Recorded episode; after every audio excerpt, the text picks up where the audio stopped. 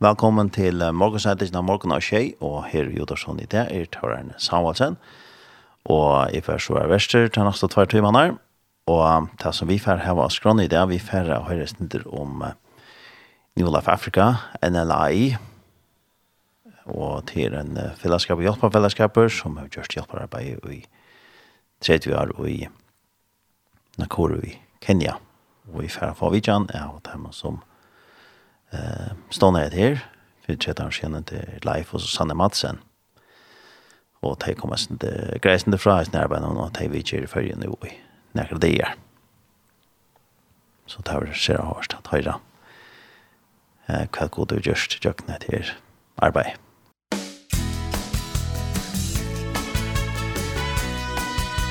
Du lurer etter Tjei, Kristelig Kringvarp. Kristelig Kringvarp. nu har vi så finnes jeg Vidjan her i Udorsona, og det er Susanne og Leif Madsen. Velkommen i vår studie. Takk. Mange takk. og så har vi døstene Billy Hansen. God morgen, Billy. Ja, god morgen. Velkommen. Takk for kaffe som du gjør hjemme i morgen. Det er virkelig bruk for. Ja, det er så vel. Ja, og uh, vi skal snakke dansk og litt færøsk. Eh, men ska inte snacka färsk med ja, men nej, det kan att vara på dansk. Det är inte det är inte gott. Nej. Eh, og uh, I har været med den her tjeneste i 30 år. Næsten 28 år, ja. Henrik. Næsten, mm. ja. Og uh, Præcis. hvorfor er man så lang tid med i sådan en tjeneste? Hvad er det, som driver det? Jamen, vi føler jo, at det er Gud, der har kaldt os til den her tjeneste. Og han skifter jo ikke sådan lige mening fra den ene dag til den anden. Så øh, da det først gik op for mig, efter mange år, i 92, at det var det Gud, han ønskede, at vi skulle til Afrika og tjene og hjælpe børn. Og jeg delte det med min kone, og hun fortalte, at det hun haft det kaldt til, siden hun var barn. Man havde bedt Gud om at overbevise mig om det, uden hun selv skulle tale til mig om det. Mm -hmm. Så var det fantastisk, at vi mm. kunne begynde at forberede os på det. Og i 94 rejste vi så til Kenya med vores fire, fem børn var her med. Der var små dengang, fra 5 til 15 år. Og så har det bare udviklet sig til det der i dag af Guds nåde og mange menneskers hjælp. Ikke mindst fra færøerne, hvor vi har rigtig god opbakning. Mm -hmm. Og det sjove, det var jo, at det var først i 2000, vi kom til færøerne for første gang. Og vi kendte ikke et eneste menneske heroppe. Men øh, mm. det blev til Jeg tror, det er 13. gang, vi er på færøerne nu. Og hvis ikke det har været corona, så har det nok været 14. gang, fordi nu er det tre år siden vi sidst har været. Der er aldrig gået så lang tid imellem. Uh -huh. Så det er rigtig dejligt, at kunne lade sig gøre nu, og komme op og fortælle om, hvad der er sket i arbejdet, og hvordan det udvikler sig. Og uh, hvordan får, dem, får man så en kald til at uh, komme i sådan en tjeneste? Hvad er det, som sker? Ja, yeah. Altså for mit vedkommende, der var jeg, jeg var seks år, dengang jeg oplevede Jesus personligt i mit hjerte. Jeg voksede op i et kristen hjem, men uh, ja, og jeg var med til møde, og jeg var i søndagsskole. Øh, jeg var faktisk også i Frelsens her, hvor jeg gik i søndagsskole, fordi at vores kirke den lå i Aalborg. Det var langt væk fra Frederikshavn. Så om morgenen, så skulle vi også gøre et eller andet. Så gik vi i søndagsskole, og vi oplevede også stærke ting der. Og når vi kom i kirke om aftenen, var vi igen øh, under Guds ord derhjemme. Og da jeg var seks år derhjemme ved mine forældre, der var det et bedemøde, hvor jeg sad ude i gangen, for der var så mange mennesker i min mor og fars hus, så jeg måtte ikke, vi måtte ikke være inde i stuen. Men øh, jeg sad med ører til døren og sad og lyttede, og der kom det en mand ud af fra stuen og sagde, hvorfor sidder du her og græder?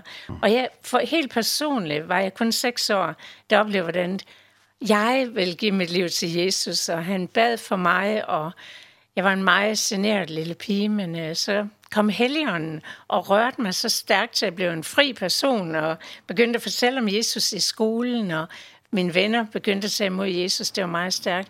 Da jeg var otte år, der var med mine forældre til møde også, og der var en missionær fra uh, Zambia. Um, jeg kan ikke huske så meget om, hvad han sagde, men han viste nogle lysbilleder, og, og han uh, talte, men mens han talte, så var jeg i pludselig blev hun trukken lidt væk på en eller anden måde. Gud han tog mig i hvert fald til side og ligesom begyndte at vise mig et syn bag ved den her præst, der stod deroppe og flagrer med han havde mange lang, sådan meget lange arme og jeg kan bare huske det der. Men så bag ved ham, der så jeg hele kontinentet af Afrika. Og omkring Kenya, Tanzania, der så jeg børn, der blev levende. Og dengang, der var, havde vi jo så ikke sådan levende billeder, der, der kom frem. Men uh, de børn, de var levende. Og Gud, han talte til mit hjerte. En dag, Susanne, der skal du være der og fortælle dem om min kærlighed. Og jeg tænkte, nej, det, kan, det var alt for vildt for mig. Jeg var sådan en lille fin pige, der ikke har lyst til at rejse til Afrika, og jeg var bange for æderkopper og alt muligt. Men, øh, men Gud, han talte så stærkt. Og så kom jeg ligesom til mig selv igen, og så siger ham missionæren, der er en, der har fået et kald til Afrika. Hvor er du henne? Og der, jeg troede, Jeg troede, at alle mennesker her i kirken, de har oplevet det samme som mig. Jeg tænkte, de løber alle sammen frem, men det var ikke én, der løb frem. Og så mit hjerte banke og banke, så jeg vendte mig ned på stolen, og knælede ned og sagde, Jesus, jeg vil være missionær. Og så jeg græd og græd og græd. Og jeg, jeg tænkte, det er det eneste, jeg kan. Det er i hvert fald at blive missionær og komme ud og fortælle børnene om Jesus en dag. Og mine forældre, de kom bagefter og spurgte, hvad har du oplevet? Og jeg fortalte dem, hvordan jeg skal være missionær en dag. Jeg har set, at, at jeg en dag skal fortælle børnene om Jesus, og mine forældre velsignede mig og bad for mig. Og Ja, og så sagde de, ja, i Guds time, så kommer det til at ske. Så sådan var det, og min søster og bror, der sad ved siden af, de var helt forundret over, hvad der skete. Og næste dag fortalte jeg det til min farmor, som jeg normalt sammen bad med hver morgen, inden jeg gik i skole. Og hun jublede og priste herren, ligesom man kan forestille sig Maria, hun kom hen til hendes kusine, og hun var gravid med Johannes, og hun foster sprang i hendes mave. På samme måde, det, det var sådan en højlydt lovprisning, hvor hun sagde, tak og lov, at du skal være ud og forkynde evangeliet en dag, Susanne. Og hun var en fast bønnekæmper for mig. Øhm, ja, så det var en fantastisk opleve. Men øhm, ja, der var jeg otte år, og da jeg voksede op, så tænkte jeg bare, jeg skal ikke fortælle min kæreste eller min mand på et eller andet tidspunkt om, at vi skal til Afrika det her, det må være en hemmelighed mellem dig, Gud og mig. Og hvis at du taler til min mand en dag, så er jeg klar. Faktisk var jeg klar hele tiden, men uh, jeg vil ikke sige det til ham. Mm. Jeg tror faktisk, eller det er min overbevisning, at jeg tror ikke som kvinde, at jeg skal bestemme over min mand og fortælle ham, hvad han skal gøre. Øhm, I mit hjerte, der har jeg sådan, at jeg tror på Gud, han kan tale. Så jeg behøver ikke at fortælle ham sådan nogle ting. Jeg beder, og så ved jeg, at Gud han taler i hans tid. Så det er det, jeg oplever. så hun måtte vente til, hun var 36, 36 ja. 35 år, ja. På det tidspunkt havde vi fem børn, og var meget engageret i kirken, hvor vi kommer fra i Midtjylland. Og jeg troede sådan set, at det var nok Guds plan med vores liv, at vi skulle have vores almindelige arbejde og være aktive i kirken og ellers opdrage vores børn i den kristne tro. Og vi har også børn i familiepleje, så det var også en tjeneste i det. Uh -huh. Men en dag, jeg så læste et nyhedsbrev fra nogle andre missionærer, som var sendt ud for vores kirke. Så begyndte Gud at tale til mig. Er du villig til at blive missionær. Mm. Og jeg tænkte, det er selvfølgelig det her nyhedsbrev, der påvirker mig, så jeg lader det langt væk, og så tænkte jeg, det går nok snart over igen. Men det blev kraftigere og kraftigere næste måneds tid, hvor jeg bare blev, at Gud han talte, om jeg var villig. Men jeg havde mange undskyldninger, fordi jeg kunne ikke se, altså med fem børn, det var ikke særlig praktisk at rejse ud, det blev alt for dyrt at rejse derud, og de skulle i skole, og hvordan skulle det gå? Og vi havde jo ikke penge nok til sådan nogle ting, og jeg kunne heller ikke se, hvordan jeg selv skulle være præst eller prædikant, eller hvad jeg sådan set skulle foretage mig derude. Men øh, til slut så blev det jo klart for mig, at Gud han spurgte jo ikke, om jeg havde evnerne eller milerne, men om jeg var villig. Uh -huh. Og det blev jeg. Og så gik der en måneds tid, hvor jeg havde bedt over det her, og så sagde jeg til min kone en aften, hun kom hjem fra aftenvagt som sygeplejersk? Plejehjemsassistent. Plejehjemsassistent, okay. Nu er der altså noget vigtigt, vi skal snakke om, inden vi går i seng. Og så fik vi kaffe sammen, og så sagde hvad siger du til at blive missionær i Afrika? Og så sprang hun jo op som trold af en æske, og sagde, det her jeg ventet på, siden jeg er 8 år. Ja. Jamen, det var da fantastisk. Jeg håber ikke, du har så andre store hemmeligheder for mig, men det virker til at være den eneste. Så kunne vi så sammen begynde bede om, at det her det må falde på plads. Det, det tog så et par år, ja, inden alt var klar til, at vi kunne rejse ud. Men det var god timing. Ja, det var. Ja, jeg det tror var, ikke, ja. vi var klar ret mange år før, fordi Nej. Gud havde mange ting, man ligesom skulle, at vi skulle lære, og vi skulle have børn. Vi fandt ud af, da vi kom til Afrika, altså, man tæller først rigtig noget i samfundet, og de har først respekt for en, når man er en vis alder, og, og også har børn. Det var en god hjælp, at vi nærmest var ligesom afrikansk familie med mange børn, det, det var de meget, de accepterede de meget godt. Ja. Og vi havde selvfølgelig også mange ting, vi skulle lære i, i tjeneste med børnene og med teenager og de unge, vi havde med at gøre her i kirken, så jeg tror, vi begge to regnede med, at det var en helt perfekt tidspunkt, som Gud havde planlagt. Vi skal også lære at være tålmodige, fordi det er en god gave at have. Når man bor i Afrika, så går alting langsomt. jeg var sådan lyst til også at fortælle, hvordan det, at Gud, han, øh, når han leder, så gør han det begge veje også. Undskyld. Men den aften, Leif, han sad derhjemme, fordi nogle af børnene var syge, og øhm, læste det her nyhedsbrev. Der var jeg til et møde, der var en sommercamp, og der var en eller anden præst fra et eller andet am Amerika et eller andet sted. Jeg kender ikke engang hans navn, han har aldrig set mig. Og øhm, så var det sådan, at man kunne gå frem til forbøn, hvis man havde noget i sit hjerte, man ville gerne have forbøn for. Og øhm, ja, jeg, jeg tænkte, jeg vil bare gerne have mere Jesus, det har jeg lyst til. Jeg vil bare gerne opleve mere af ham. Så jeg gik frem foran. Og da jeg gik frem, ja, så begyndte han at bede. Så stoppede han bare midt i hans bøn, og så sagde han, Gud siger til mig, at det kald, han gav dig, da du var et barn, altså han kendte mig ikke, det tager han frem nu, og det bliver til virkelighed. Og jeg begyndte bare at græde og sagde, det var meget bedre, altså der stod mange mennesker bag ved mig, det var meget bedre, hvis Gud han talte til min mand, fordi jeg venter bare på, at, at jeg skal komme i gang med det, han vil med mit liv. Og så siger han til mig, du skal gå hjem i aften og du skal opleve, hvordan Gud har talt til din mand, og du skal se, at nu kommer den her tjeneste i gang. Og jeg tænkte bare, han kunne ikke vide, om det var min mand, alle de andre mænd, der stod bag ved mig, men Gud vidste lige præcis, og jeg kunne slet ikke komme hurtigt nok hjem. Det var 10 kilometer, og jeg skyndte mig at køre hjem. Men Leif, han var stille, som bare, som et, ja, der, han sagde ikke noget, og jeg kunne ikke mærke noget på ham. Men jeg vidste, nu, nu kommer det til at ske. Og det gik så en måned mere jo.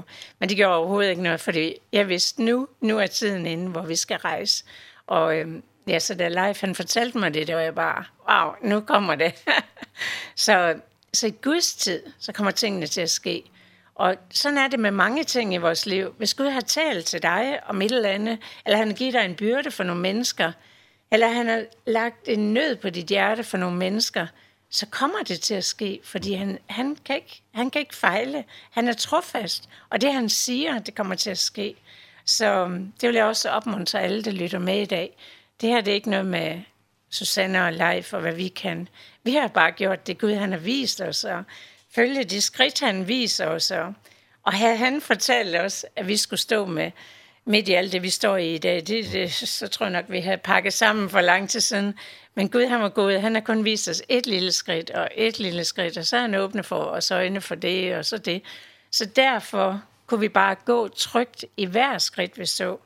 Vi har ingen anelse om, hvad det var, men vi skulle bare vinde mennesker for Jesus. Vi skulle vinde børn, gadebørn, børn og kvinder, som havde det svært. Det var dem, vi ville gerne vinde for Jesus, mm. og fortælle dem om Guds kærlighed. Så det var jo sådan ganske enkelt, sammen med vores dejlige børn, som var en kæmpe hjælp for os. Ja, og er stadigvæk. Men det viser også, at, uh, at Gud er meget trofast. Ja, det er han. At, uh, at hvis han vil noget, så, så er han trofast, og, og også gennem det, som jeg oplevede, uh, gennem mm. alle de her årene, han har været trofast mod jer. Jeg vidste ikke, hvad, hvad det skulle ske, men, men bare lagt det over til ham, så... Ja. Så kan han ta sig det hela. Ja. Mm. Det var fantastisk att høre. Uh, men uh, vad sker det så? Uh, Där vi endelig kom till Kenya. men uh, du, du fick det, du følte at, att det var något att det skulle til Kenya, men, men uh, uh, är det meget naturligt, hvordan det sker? Uh, Altså, vi tænkte, da vi begge to vidste, at nu var det Afrika det drejer sig om. Så Afrika er jo stort, og Kenya er kun et lille, et lille land i Afrika, men er 14 gange større end Danmark. Så vi tænkte, vi tager ud og besøger nogle missionærer og ser deres arbejde, mm -hmm. hvordan de arbejder og hvad behovene er. Mm -hmm. Så vi besøgte faktisk missionærer både i Kenya, Tanzania og Rwanda, og var med dem ude og se deres arbejde. Men øh, Gud, så man har først taget talt til os om, at det var Kenya, så kom det tilbage til os, at det, øh, var Kenya, selvom der var masser af behov både i Tanzania og Rwanda. Men øh, det var ligesom det første kald, som Gud havde givet os. Det blev bekræftet, mens vi var på den tur. Mm. Og så kunne vi tage hjem, og så kunne vi så begynde at fortælle folk om, at vi troede på, at Gud havde kaldt os som missionærer til at rejse til Kenya. Og det var sådan set der forarbejdet startede. Mm -hmm. Jeg har lyst til at fortælle om en lille oplevelse, vi havde, da vi var på den her missionsrejse første gang.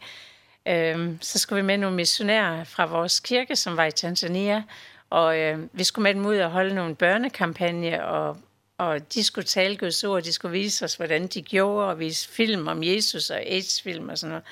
Og det var jo nemt. Vi skulle bare med. Vi, vi boede ude i en lille landsby hvor, ved Masaierne faktisk, og det var meget, der var ingen, jeg kan huske, jeg tænkte, hold da op, men vi skal bo sammen med afrikanere og det her par, og der var ingen lås på døren, og vi boede midt i en landsby, og øh, folk var, ja, det var meget primitivt og støv, der var overalt.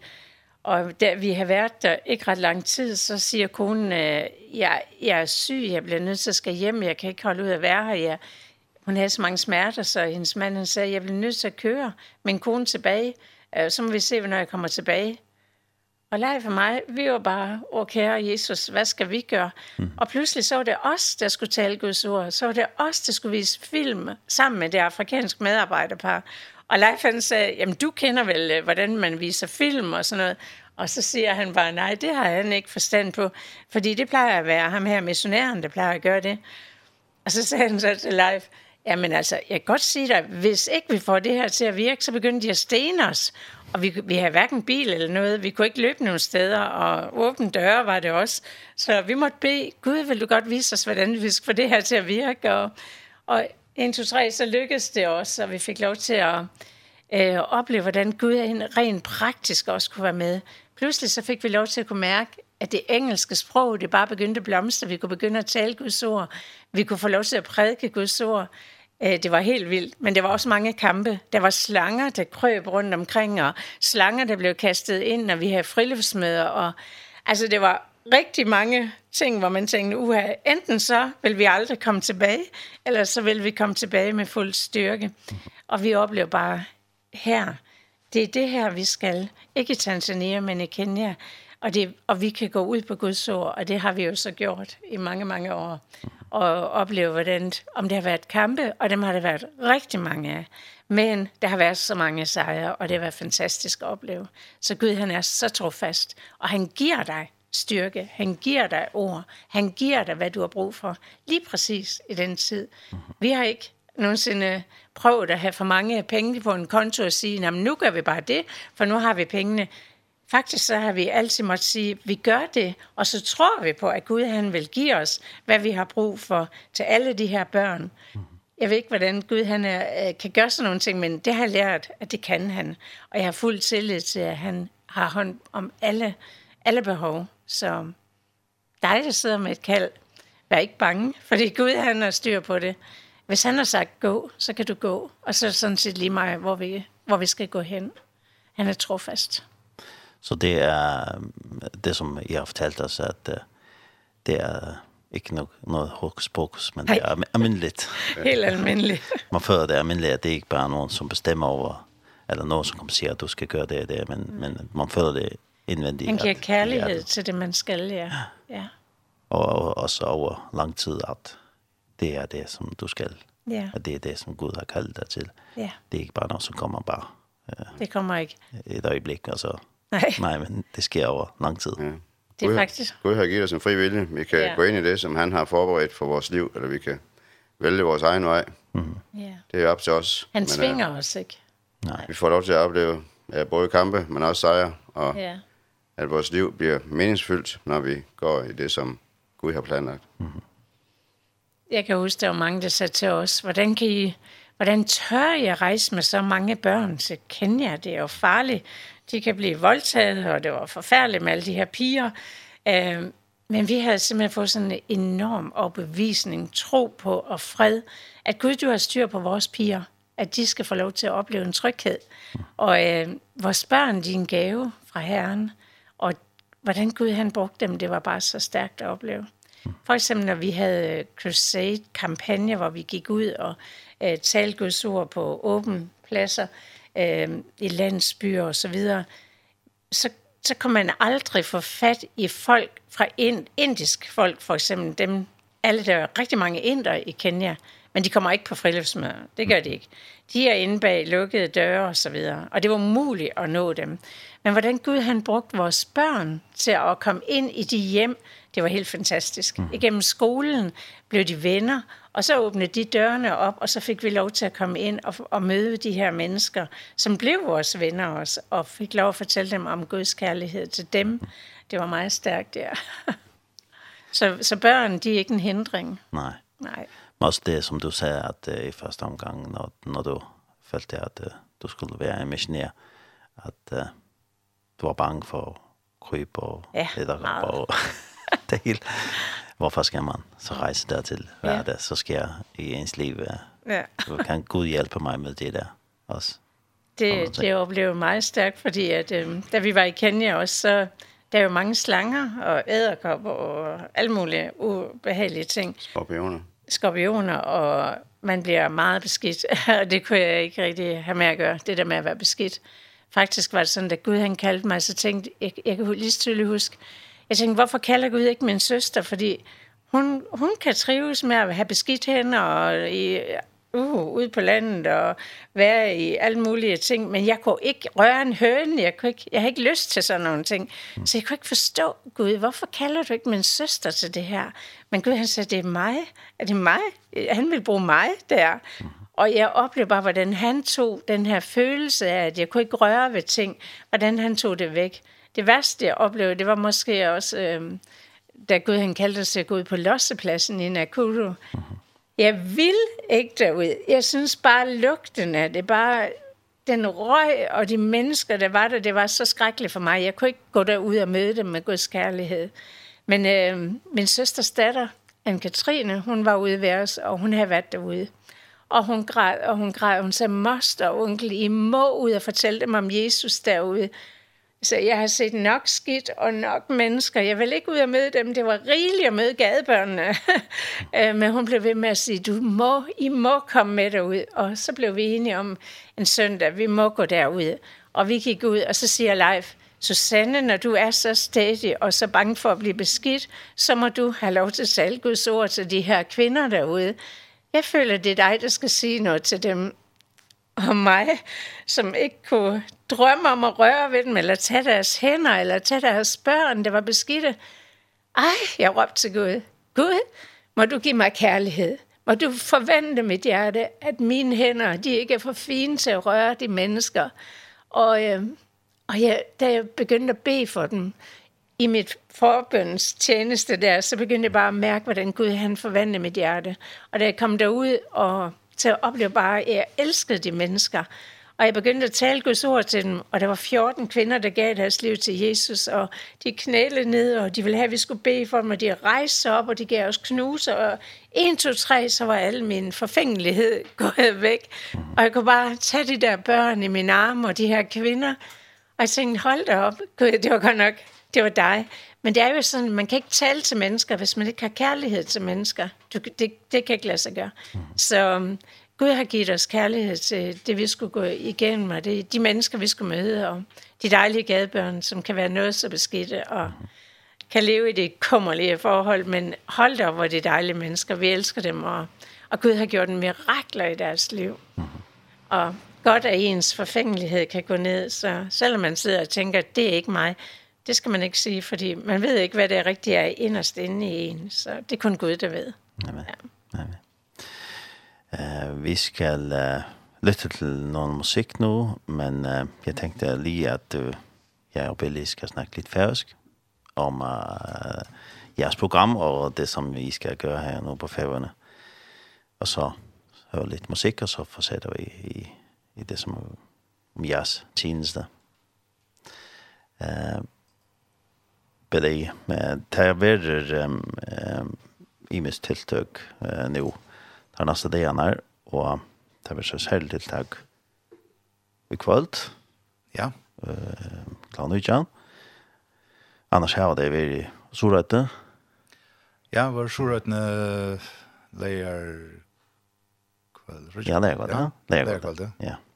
Er det så stås igjen? Ja, leier kveld, ja. Ja, og takk av versene med det vi håndverskere fredagshusen. Ja, håndverskere fredagshusen, ja. Ja.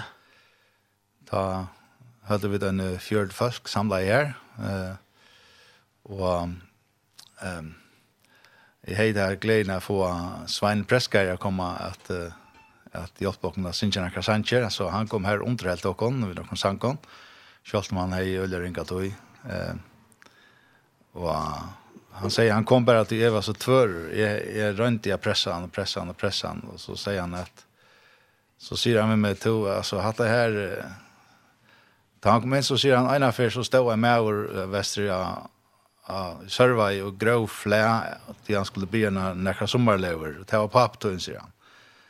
Og ta i sa hvordan du først etter sin her, og du gjerst ikke før du første, så måtte jeg bare komme, sier han. Jeg visste at du først ikke var opp før du kom. Så han kom, trappa opp her og sang nekra sanje ögon. Det var fantastisk stått lørdag. Og, og Ja, så fikk vi uh, sponsorer alltid møtt noen, så mm -hmm. det var fantastisk. Ja. Og så er det dette tiltaket som vi uh, har skipa fire, mm -hmm. uh, Jona og kona min og jeg vil ha videre parter av, av uh, løvdene. Og vi har altså valgt at skipa fire en tiltak i kvöld klokkan uh, tjej, eh och hoppa på hoppa vi får en rygga för att kunna komma till här vara ösen life och Susanne och forskjellige andre folk være her som har vært ute i, i, i New Life Africa og fortelle om tørre opplevelser. Um, og det er veldig ofte så at man arbeider i en sånn fellesskap som har bruk for pengon för att köra vidare så hör man ofta till att man man får ut och man rör alla att få nya sponsorer och stolsfolk till sig. Og så hes för ta i Leif og Sanne skulle komme til färjar så sa vi hva skal jeg I haltet, det vi till det at nå var det tog på at vi för at skipa fyrir, nå takkar til tætj. Mm -hmm. Hver vi ikke bare ta seg om å få nødjar stolar, men jeg vet gjør det tiltak hver vi takkar og etter time som her var stolan jo Leif Afrika og i sånne kvar. Eh og ta ut hitje etter hvordan jeg folk stola i fyrjon, så er det helt fantastisk til at uh, vi har gjort en plakat, Mm. Eh kvar vil ha kost öll typ bøtnen i og mindre öll typ bøtnen som var stola i ur färjan. Og vi talt og etter i jar, nu er det sjående kom några trä så vi byrja att at hava och og det er, i halvt vi talt og 498 bøten i New Life Africa International som var stola i av førskons sponsorer. Mm. Fantastiskt. Och det är helt fantastiskt. Det är nästan helten av de bøttene som vi har stola i i New Life Africa i Røver. Så det er hjertet som förengar häva för att geva och för att stola och er är kjent, känt, inte bara vid vid auto men alltså det är öliga kjent mellan folk som som har bruk för att være stola i. ikke bare New Life Africa men det är ständer hur så otroliga gav med förengar är och att geva. Eh och tant plakaten var här kvällt så vid hvis du är stein av tant facken som är som har varit vidla stola så är det stortlöst du är kan komma och kanske rätta light om du finner tutt barn av tre minuter. Det är ju näkt ta flocka som så plakaterna för att för ja kvar mot barn det vill så jag kvar kvar men det barn som är sponsorerade kvarter. Så Ja, så det blir tiltak i kveld klokkan nøytjan. Mm -hmm. mm -hmm. Og um, her blir det imest, uh, imest sånne, som du sier. Jeg blir sånn Sanche, og så vil øye nekva presentasjoner, og mm nekva mynter fra, Nei, fra New Life Africa og arbeiden her nere. Nei, ja. Og fra greinger og, og myntene og sånt. Ja, fra greinger og myntene, ja. ja. Og annars så um, kommer det i at... Uh, og ikke å glemme, så blir det kaffe og kaker. Nei, men, som er veldig viktig. og alt det der, ja. som, som er veldig viktig. ja, det var viktigt. ja, och så var det eh, annars eh, hålla det fram eh, resten av vikene. Här det var eh, jeg har skronat här och hun sast in i en, en Facebook-bølge som heter Nasten Storspølger til NLI. Det var uh, i Klaksvik och uh, så var det annars uh, nu mycket 15. juni klokken 20. her var det i Manuel i, i Høyvøk og til klokken 20. Og så er det høstkvalde, 16. juni, klokken 19, i Betania i Skåpen. Og så er det sundagen, 19. juni, klokken 11, i Kjeldene i Skala 4. Og så er det sundekvalde kl. 18, sundekvalde 19. juni, kl. 18, i Misjonshusen av Glibsson. Og her er det sjåndøsene til velkommen til tid-tiltøsene. Hvis man ikke at høyre sin mer om et arbeid. Jeg hadde vi færre lortet til sin tratologi, er vi færre prata sin mer, og eh, jeg hadde vi færre takka sank her eh, Vi snakket om uh, The Blessing, måske skal vi lytte til den, det er en sang som vi kan lide. Ja. Ja. Vi Den er vi meget forelsket i, kan man sige. Ja. Og det er Carrie Job som synger.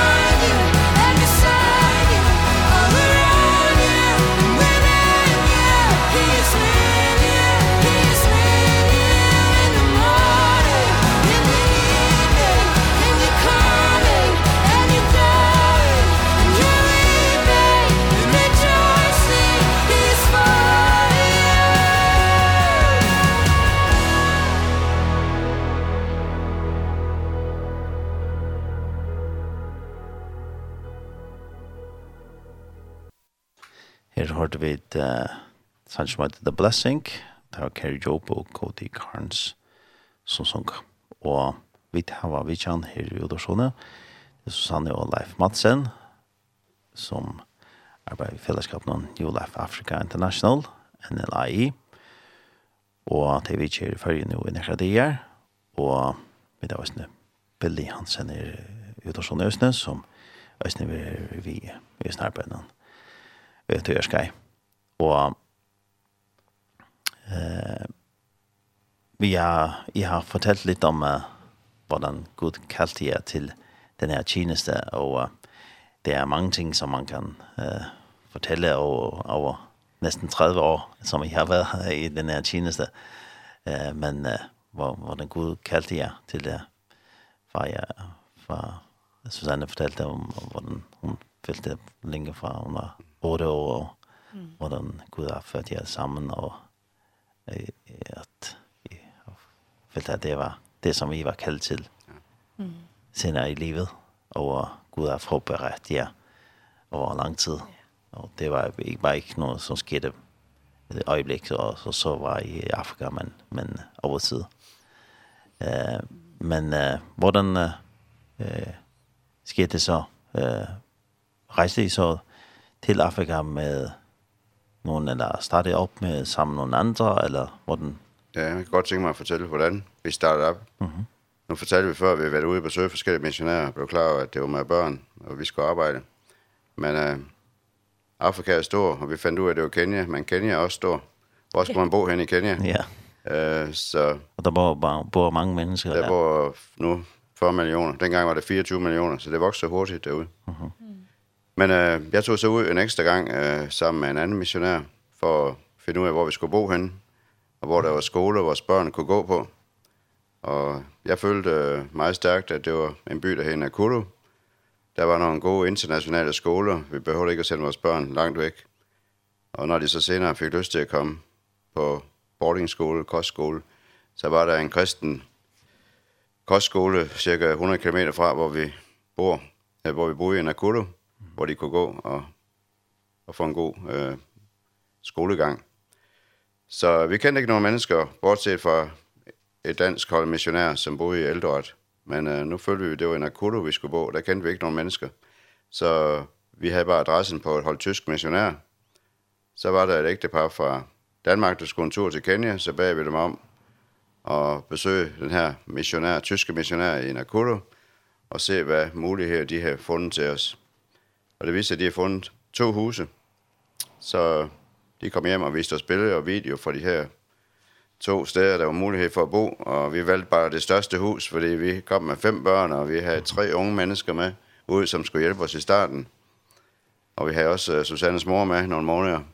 Så vi var klar at vi havde brug for et stort hus. Men det var fantastisk, da du kom hjem fra Kenya. Vi ja. kendte jo ikke Kenya overhovedet, men uh, da Leif han var afsted, og jeg bad over, hvor skal vi være henne, og hvem skal, hvordan kommer vi i gang, så så jeg det her billede af flamingoerne i Nakuru, og vi har nemlig sådan en, en dyrefarm, dyrpark, dyrepark. Hvor der er masser, det er jo der flamingoerne de boede, og, og det blev sådan helt tydeligt for mig, det er der vi skal bo. Vi kendte ingen mennesker, men vi vidste var der vi skulle være. Vi, så vi var kaldet af en kirke, men vi er også udsendt fra en kirke i Danmark, som uh, står bag ved os. Uh, ja, man kan ikke sige for, at de betaler alle penge, men de står sammen med os i tro til, at Gud, de tror på, og vi tror på, at når Gud han kalder, så vil han også sørge for, hvad vi har brug for. Så de står sammen med os på den måde, at vi, vi står sammen med jer og tror på, at det Gud har kaldt jer til, at det er sandt, og vi vil bede for jer, vi vil sende jer ud som øh, par og familie her fra kirken. Så det var jo fantastisk at opleve. Og så kom vi til Blahøj, eller fra Blahøj, så blev vi sendt ud til Nakuru og til Kenya. Øh, vi var så kaldt af en kirke, øh, og der var 90 kirker, vi skulle række ud til, øh, fordi de ville gerne høre noget mere om søndagsskole og børnearbejde, ungdomsarbejde, øh, kommer til alle Guds ord, kvindearbejde, arbejde blandt kvinderne, er med til at inspirere til at rejse nye ledere. Det er, som, det er jo det, vi gerne ville, det var at rejse nye ledere for fremtiden. Så det var noget af en opgave, vi stod overfor, som vi nærmest ikke anede, hvordan vi skulle komme i gang med. Men Hvor, vi hvordan? følte, vi skulle tale til gadebørnene. Ja. Og hvor, hvordan skulle man gøre alt det der? Det var meget svært. hvordan hjælper man mange mennesker? Kan man hjælpe alle, eller skal man Nej, tænke det på? Man. Det, det, altså det starten, det, det hører noget med økonomi at gøre. så i starten, der havde vi jo rigeligt at gøre. Klare os selv økonomisk og få vores børn i skole derude. Ja. Så øh, vi tog rundt og besøgte mange kirker og havde de her kampagner, hvor vi viste Jesus-filmer, AIDS-filmer, underviste på seminar, og op, opfordrede og opmuntrede kirkerne til at gå med med deres børne- og ungdomsarbejde. Og det mødte vi meget positiv respons på. Så det var sådan ligesom det, kunne vi lige klare at få økonomi til at tage rundt på de her kampagner. Men da vi begyndte at føle for de her gagebørn, som vi så i byen Nakuru, der gik og tikkede på gagen og sov på fortorvet og følte, at vi skulle være med til at hjælpe dem, der stod vi sådan set uden økonomisk grundlag for at kunne hjælpe dem, fordi mm. øh, vi ikke havde noget overskud på kontoen, kan man sige.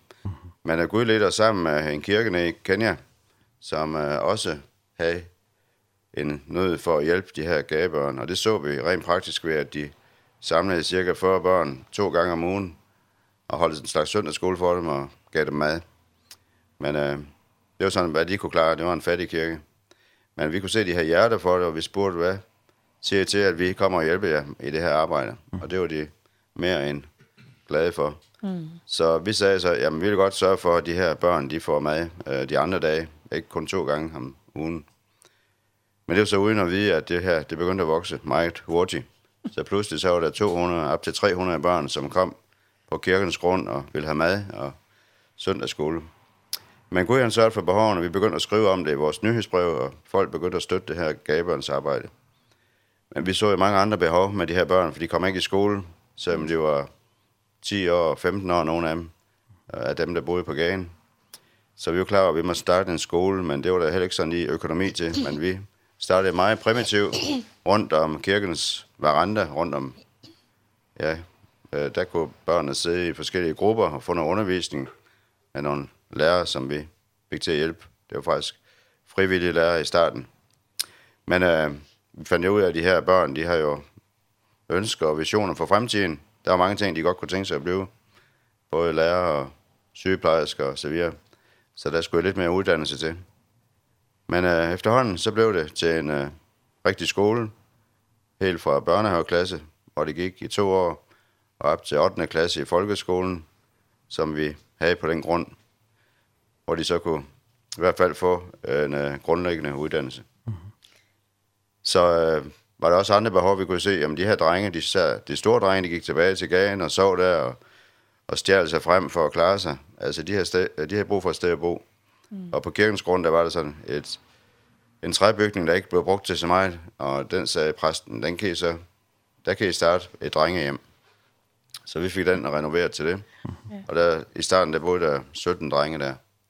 Og de var store, det var ret store drenge, voldsomme så det er jo sådan nogen, der ikke har haft meget skolegang, men øh, de kunne godt tænke sig nogle praktiske fag, så mm -hmm. vi startede et snekerværksted, hvor de kunne lære at blive snekker og tømmer, og de lavede faktisk deres egen møbler, både senge og stole og bord, mm. til det her børnehjem. Så det var meget stærkt. Ja, så mange af dem havde jo ikke gået i skole, så havde vi sådan nogle adult literacy classes, hvor de lærte og, øh, sådan grundlæggende ting. Men måske at dem, som lytter med, de tænker, hvorfor i alverden gik de børn ikke i skole? Men det er jo så fordi, at i Kenya så skal man betale for skolegang. Du kommer ikke ind nogen steder uden at betale. Du skal betale for øh, bygning og bord og stole og øh, uniformer. Man skal have skoleuniform på og bøger. Og, og hvis du kommer uden sko, så bliver du smidt ud. Du skal have alle de her ting. Og de er fattige, de har ikke de penge til at kunne gøre det her. Så derfor var det så enormt krævende, at vi, at vi skulle starte op med en skole. Jeg husker, at vi havde de der børn over 250, så tænkte jeg, jeg går altså ud. Ja, det kan ikke passe, at de her børn ikke kan komme i skole. Hvis nu vi kunne rejse penge, så kunne vi måske betale for at få børnene ud i skolerne. Men øh, du tror, i de lokale skole, de vil ikke have de her gadebørn, fordi at de var bange for, at de smittede, eller jeg ved ikke, hvad de var bange for, at de var beskidte, og de var anderledes end de andre, så de var ikke velkomne i skolen. Og jeg kan huske, hvordan det, vi måske nogle gange fik fire og fem børn ind, ud af, der har vi 250 børn, og det voksede jo bare hele tiden. Det var helt umuligt at få de her børn øh, afsat. Øhm, så ja, så vi så jo, vi blev nødt til at lave en rigtig skole, det var ikke andet at gøre. Mm -hmm. En primitiv skole blev det i starten. ja, det blev jo, som sagt, øh rundt om kirken der. Og så var kirken i gang med at bygge en ny kirke. De har kun fået taget på, og det tog flere år, inden de fik råd til at bygge murene op. Så vi fik lov at holde skole derinde i forskellige afdelinger. Øh, i forskellige klasser i hver hjørne. Og der foregik undervisning. Mm. Så fik vi råd til at bygge nogle træbarakker, hvor de, vi kunne få dem inddelt i klasser. Og det gik så nogle år. Men så kom regeringen i Kenya og sagde, hvis I vil fortsætte med at have skole her, så skal I have nogle ordentlige faciliteter. I kan ikke bare have de her træbarakker. Der, det støvet, og det, der kom vand ind, og det regnede, og så videre. Men vi synes det var bedre, end at børnene gik på gaden og ikke kom i skole. Men øh, der var åbenbart nogle regler, regulationer, der skulle opfyldes der. Ja. Så vi må bede Gud om, at, om penge til at bygge en skolebygning. Og det samlede vi så ind til et stykke tid, og gik i gang i tro, da vi havde nogle af pengene. Og det var faktisk øh, her fra Færøerne. Vi oplevede den største hjælp på en gang, og det var den færøske regering, som sagde, at vi kunne sende ansøgning ind til dem. Og vi fik så svar på, at de ville gerne give 400.000 på betingelse af, at vi kunne indsamle et tilsvarende beløb i løbet af de næste, jeg tror det var tre måneder, vi havde til deadline. Så vi bad jo og søgte og, og spurgte folk om at give, og vi kunne jo ligesom bruge det her slogan, hvis du giver 1000 kroner, så bliver det fordoblet til 2000. Så det var sådan en god øh, ambition. Mm -hmm. Så cirka en uge før deadline, så havde vi de 400.000, og så havde vi pludselig 800.000 til bygningen. Mm -hmm. Og vi fortsatte så med at samle ind, mens vi bygger, og det endte med, at vi faktisk i løbet af halvandet år fik bygget den her store skolebygning på tre etager, hvor der er plads til cirka 400 børn. Og det lykkedes at samle pengene ind. Så Gud var trofast. Så blev, så blev myndighederne nærmest øh, modsat. Så, I Kenya. I Kenya. Så, øh, der uddannes øh, okay, skolevæsen der i Kenya. De så den her bygning og sagde, hvad er det for nogle børn, der skal gå der? Jamen, det er de her fattige børn fra de fat mest fattige hjem og fra gaden. Jamen, de behøver ikke sådan en fin skole, sagde de. Jo, jo. De, øh, de har været gagebørn. Nu er de kongebørn. Nu skal de have en ordentlig skole. Skal det bedste. Og alt, hvad vi arbejder med uh, New Life Africa International, det er registreret i Kenya. Uh, der er så mange regler at følge øh, skolen er registreret, vi laver der vi følger alle Kenyas øh, eksamensregler og ja, alt hvad vi laver, det er selvfølgelig fuldstændig efter reglerne i Kenya. Ehm alle lærere skal være uddannede. Det er de også, og vi har fantastiske lærere og en rigtig god skoleleder. Ehm i det hele taget så har Gud velsignet os med så mange dygtige kenyanere, mm. som står med arbejde i dag og kan hvor vi står sammen med dem Men det er dem, der bor dernede, det er dem, der, der kører det i dagligdagen, og så er det bare fantastisk. Og også da vi boede derude, så var det jo bare sådan, nu bor vi så i Danmark, men altså dengang vi boede der, så var det, det var dem, der er i frontlinjen, og vi støtter op og bakker op, og vi ønsker at være med til at træne ledere, vi ønsker at være med til at at se andre gå i gang. En dag så bliver vi gammel, vi er godt på vej deroppe, men vi ønsker at rejse nogle flere ledere, være med til at skubbe på, være med til at støtte og opmuntre, så at vise, at det kan du også. Det, du kan også køre det her. Du kan også være med. Øhm, så både børn og unge og personale der, det, det er vores tjeneste, det at være med til at bakke dem op og sige, du kan, du har en tjeneste, bed Gud om at vise dig tjenester, og så på den måde være med til at hjælpe dem til at komme ind i det, som Gud han vil med dem. Så det er meget stærkt at se.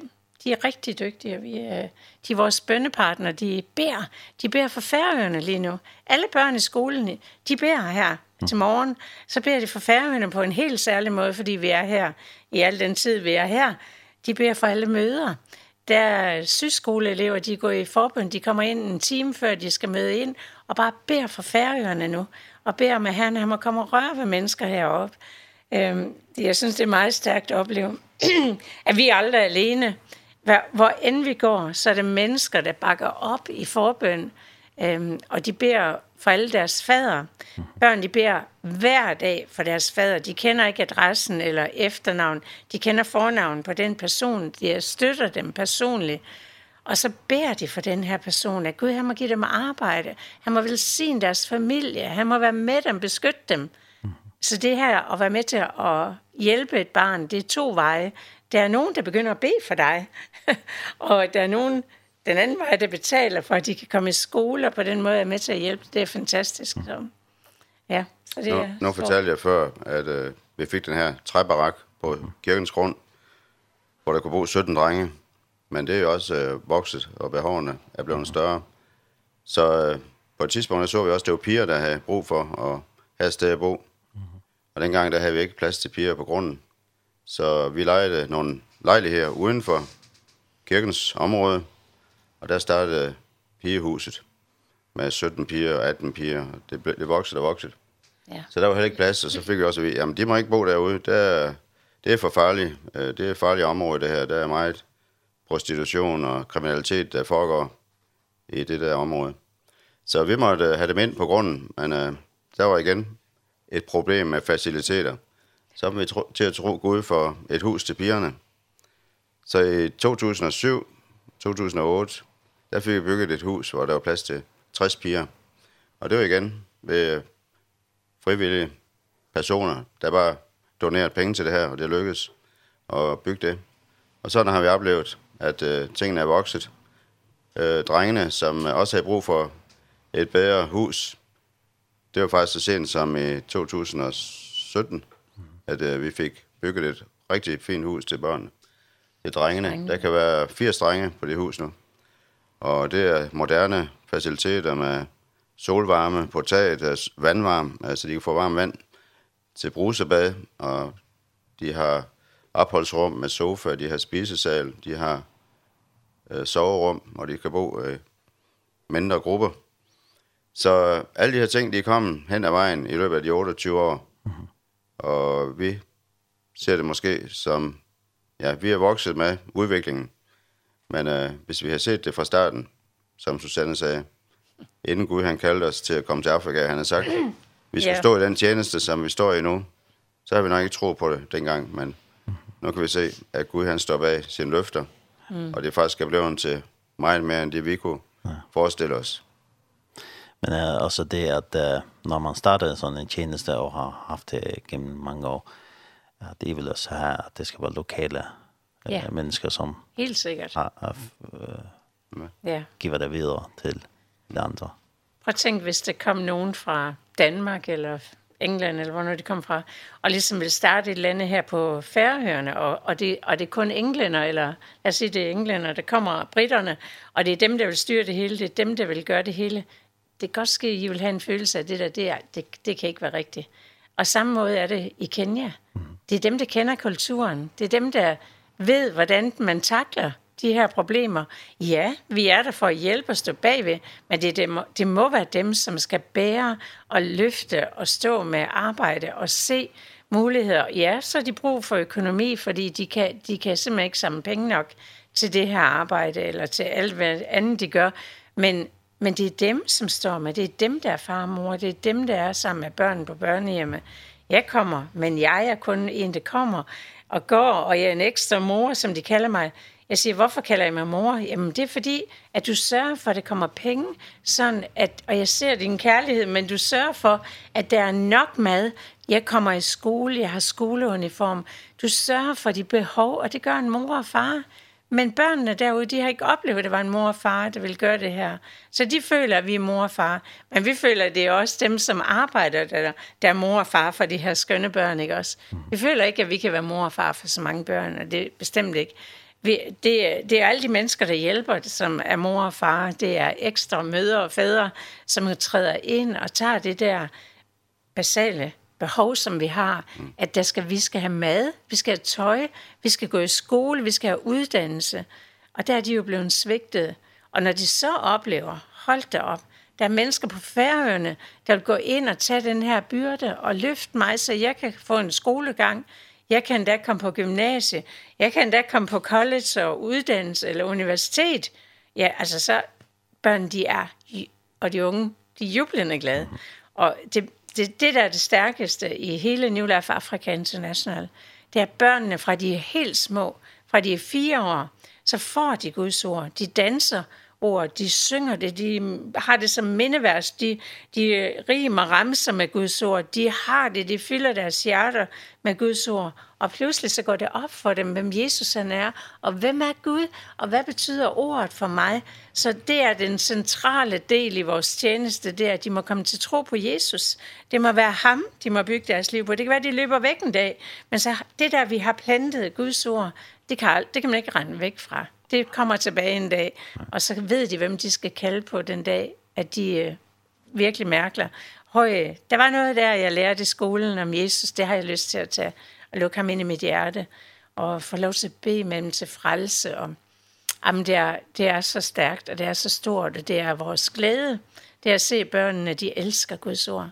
Jeg har lige været, jeg var dernede i februar, og så havde vi bibler med øh, til klassesæt, og det var så vildt at opleve. Det er noget, der hedder Lærernes Missionsforening, som har doneret bibler, og fik lov til at aflevere de her bibler. Og børnene, hold da op, de kunne ikke få de her bibler pakket hurtigt nok op, og den ene efter den anden begyndte at læse højt. Ej, se det her skriftord, prøv lige at høre det her, og den ene efter den anden læste op, og det var bare så stærkt at opleve. Ej, det var den bedste ting, vi kunne komme med, det var en bibel. Eh alle børn i 8. klasse, de fik også øh, bibler med sig hjem i år, og øh, vi kunne bare velsigne dem med Guds ord og sagde, den her, om du kommer på gymnasiet, eller om du går ud og går på arbejde, så skal du have Guds ord med dig, fordi det bliver den bedste skat for dig i fremtiden, og de var jublende taknemmelige. Så ja, Guds ord, det er, det, det er grundlaget for det her. Ja. Eh, vi skal uh, lytte til litt musikk før vi snakker litt mer, og uh, Eh, vi tar inn med Sveine Preskjær, som uh, sang til Jas uh, i Sorøy, når vi arbeider Sorøy. Mm. Ja, skal vi ta inn med ham. Eh, og vi tar... Se her. Uh, ja, vi tar denne her som... Ja, jeg hjelper å løse røpt. Vi tar alle stedet Sveine Preskjær. Musikk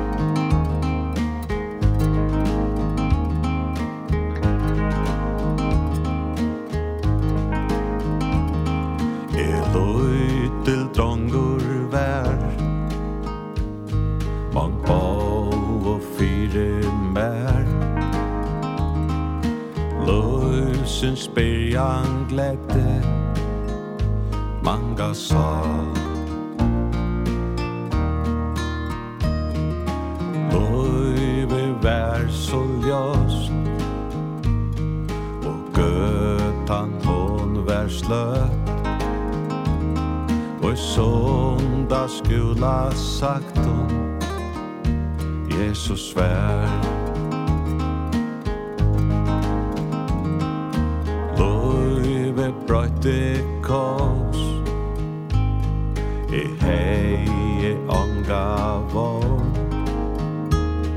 Bert langur nyur sa Tes mai i drang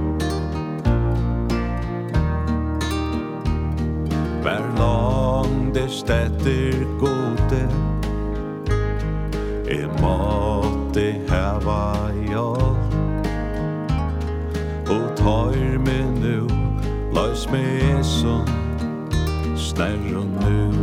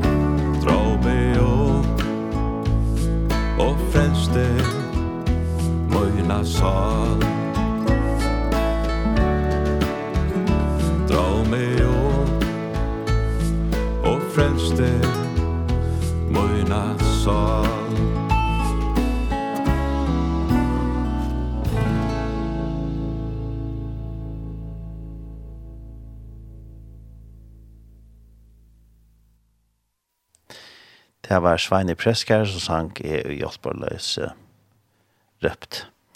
Og vi tar vidtjen her av Susanne og Leif Madsen, som arbeider i fellesskap med Jolaf Africa International, og det vi kjører for nå i nekra dier, og kommer at uh, her var nok tiltukket rett, og Billy Hansen er reist nere i Udarsone, og han kommer greia fra om et tiltak som er uh, i kvöld i løvdene. Uh, nu har jeg fortalt litt om, uh, hvordan I startet, og, og det, som har sket gennem årene, og, og det er udviklet sig meget, og mange har støttet jer, jeres tjeneste i, nu i mange år. Mm. At det kan have en skole, og bare for drenge og piger. Yeah. Og det kan også bo der. Og, så man kan blive ved at hjælpe yeah. flere mennesker og flere børn. Yeah. Det er stort. Ja, og uh, hvad, hvad har I lyst til at, til at fortælle? Jamen, jeg kan godt tænke mig at fortælle, at uh, i starten, så tænkte vi, da vi fik startet den her skole fra børnehaveklasse til 8. klasse, det var meget stort og godt, hvis vi kunne hjælpe børnene op til 8. klasse, så de fået en folkeskoleuddannelse i hvert fald. De kunne lære at læse og skrive og de basale ting. Men da vi så blev fortalt alle deres ønsker om fremtiden, hvad for en uddannelse de kunne tænke sig, så kunne vi godt se, så har de brug for noget større og noget mere uddannelse. Så i hvert fald gymnasiet, det var en vigtig ting. Så nu har vi faktisk sådan, at cirka halvdelen af, af dem, der starter i børnehaveklasse og folkeskole, de kommer videre på gymnasiet, fordi der er så mange mennesker, der nu efterhånden støtter arbejdet og støtter de her børn. Fordi det bliver jo dyrere og dyrere, jo længere de kommer op i uddannelsessystemet. Mm. Og så er det selvfølgelig også afhængig af, hvor godt de klarer sig i skolen, hvor gode karakterer de får, om de kan komme videre på universitetet. Og det er også øh, en hel del, der oplever efterhånden. Lige for tiden har vi otte børn, eller unge mennesker, som går på universitetet og tager højere uddannelser. Men ellers har vi også øh, det her, vi kalder college, som de kan komme på efter de er færdige med gymnasiet, som tager fire år. Og så kan de komme ind og læse til sygeplejerske eller lærer eller andre ting. Og det, vi opfordrer dem til at tage de uddannelser, hvor det er nemt at få arbejde. Og det er blandt andet sådan noget som lærer, der hele tiden er brug for, og sygeplejersker. Og så er der også en del, der bliver mere praktiske, sådan uh, frisører og håndværkere, det er der også brug for. Uh, fordi uh, det hjælper jo ikke mig, at give dem en god uddannelse, hvis ikke de kan få arbejde bagefter. Nej, nej. Og så er der også forskel på, om børnene de bare bliver hjulpet til at gå i skole, hvor der er cirka 850 børn, vi hjælper nu efterhånden. Men det er jo kun de cirka 120 af de her børn, der bor på børnehjemmene. Og dem på børnehjemmen, de er jo forældreløse øh, hovedparten, i hvert fald 80 procent. Så der er de fuldstændig afhængige af New Life Africa International. De føler, det er deres familie. Så dem føler vi os forpligtet til at skal hjælpe, indtil de selv kan klare sig og har en uddannelse. Så dem, det er så uanset deres karakter og hvor dygtige de er i skolen, så hjælper vi dem videre. Hvis de har evner til en praktisk uddannelse, så får de det. Har de evner til at gå videre i systemet, så får de sådan en uddannelse. Mm. Øh, vi kan selvfølgelig ikke hjælpe alle 850 til at komme på universitetet eller få stor uddannelse, men øh, efterhånden så er det en rigtig stor del, der bliver færdiguddannet og kan få arbejde. Mm. Men måske Susanne skulle fortælle lidt om, hvordan man kan støtte arbejdet. Ja. ja. Øhm, hvordan, siden af hvordan det, kan vi have været med? Man kan hjælpe. Jeg fik en vision om, at for mange år siden, at man kunne blive fader for et barn. Jeg så, at der var mange mennesker, som ah, de vil godt give sådan almindeligt sådan et eller andet beløb, men øh, det kom til mig, at det betyder rigtig meget, at man personligt ind til det behov, der er. Sagde vi nu, at vi skal samle ind til en skole, så var der mange, der gerne vil være med. Men hvis de bare skal give til arbejde generelt, så var der også mange, ej ja, det kan vi godt gøre sådan. Men det der med, så kom det til mig, hvorfor som i en familie, hvor vi har børn, og vi ønsker at støtte dem, og, og se et barn lykkes, og det næste barn lykkes, og få det, de drømmer om, og der kom en tanke til mig. Vi kan lave noget, der hedder faderskab. Og øh, nu er det jo så mange af de andre, der også har det. Men der, der oplever jeg så, hvis jeg laver, skriver barnets historie, og de får et filnummer. Nu lyder det meget grimt, et filnummer. Men det er fordi, man må ikke, i betalingssystemet må man ikke skrive navne. Vi må ikke skrive, hvad barnet hedder og sådan noget. Så vi bliver nødt til at have nogle filnummer. Og vi har jo rigtig mange børn, vi også har med at gøre, så der kan være mange nangsyre og Peter og hvad nu de ellers hedder. Mm -hmm. Så alle barn har et nummer. Eh, det er ikke for, at de er et nummer. De er dejlige personlige børn alle sammen. Men for at holde styr på dem. Og øh, da vi introducerer det, så er der rigtig mange mennesker, der gerne vil være fader for et barn. Øh, nu kan vi godt mærke, at det har været corona, og der har ikke været møder, og vi har ikke været ude og tale. Øh, så det har været lidt svært at komme af med de her. Men Jona, som er Billys kone, hun er fantastisk til at hjælpe mig med at finde nogle fader, og det er helt vidunderligt, når hun skriver, åh, nu har jeg fem, nu har jeg ti, nu har jeg... Jeg ved ikke, hvor mange hun lige pludselig samler, 30, eller hvor meget hun nu finder frem, og jeg, jeg jubler, fordi jeg, jeg tænker, tak og lov, nu lykkes det. Men vi har rigtig mange børn. Der er lige kommet en helt ny, to nye klasser, der lige er kommet ind. Vi har mange fra sidste år, som ikke har fået fader endnu, fordi vi ikke har været ude og tale, og folk har ikke set den her mulighed når man er fader, så får man et nyt billede hver år af barnet, og en gang om året, så skriver barnet en tegning, eller hvis de er ældre, skriver de et brev. De får øh, faderens første navn, men ikke adresse, og så må de skrive et julebrev eller efterårsbrev, hvad nu det bliver, og vi sender hjem, og øh, så bliver det sendt øh, nyhedsbrev ud to gange om året, man kan få på e-mail eller på papir, og... Øh, man følger det her barn, og hver dag i skolen, så bliver det bedt for faderne, dem der er far, fader for de her børn. I Kenya beder de for dem, der er med til at støtte, og øhm, når man møder de her børn i Kenya, så kommer de drønende og spørger, kender du min, den der er fader for mig, kender du min sponsor, siger de. Nej, jeg kender jo ikke alle, men der er nogen, jeg kender. Og de siger, kom og giver knuser, siger, giv dem en knus, når du ser dem, og fortæl dem, jeg er så taknemmelig. Og jeg, det er virkelig dejligt at mærke, at børnene de har det her. Men det værste er, når de skriver julebrev eller efterårsbrev, og så de får altså afleveret et tomt brev, hvor det ikke står kære nogen deroppe. Det er næsten ikke til at holde ud. Og det er jo mange børn, der ikke har en fader endnu.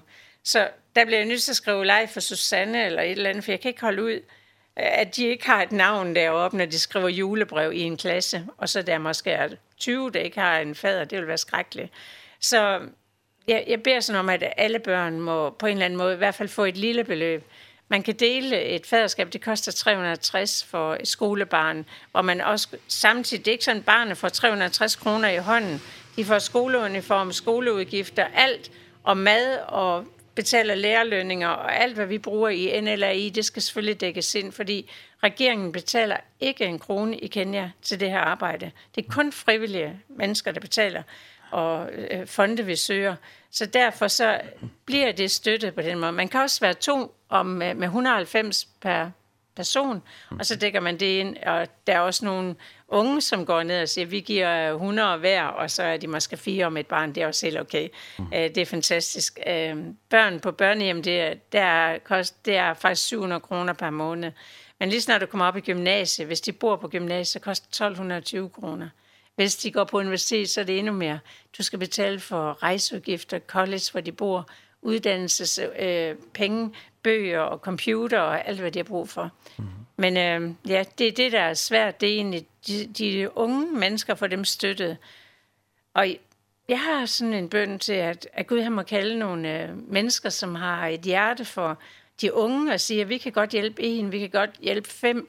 Ja, det kunne være et firma, som jeg tænker, vi vil gerne være med. I kan skrive det på hjemmesiden, I kan skrive, og med til at sige, vi er også med til at uddanne andre.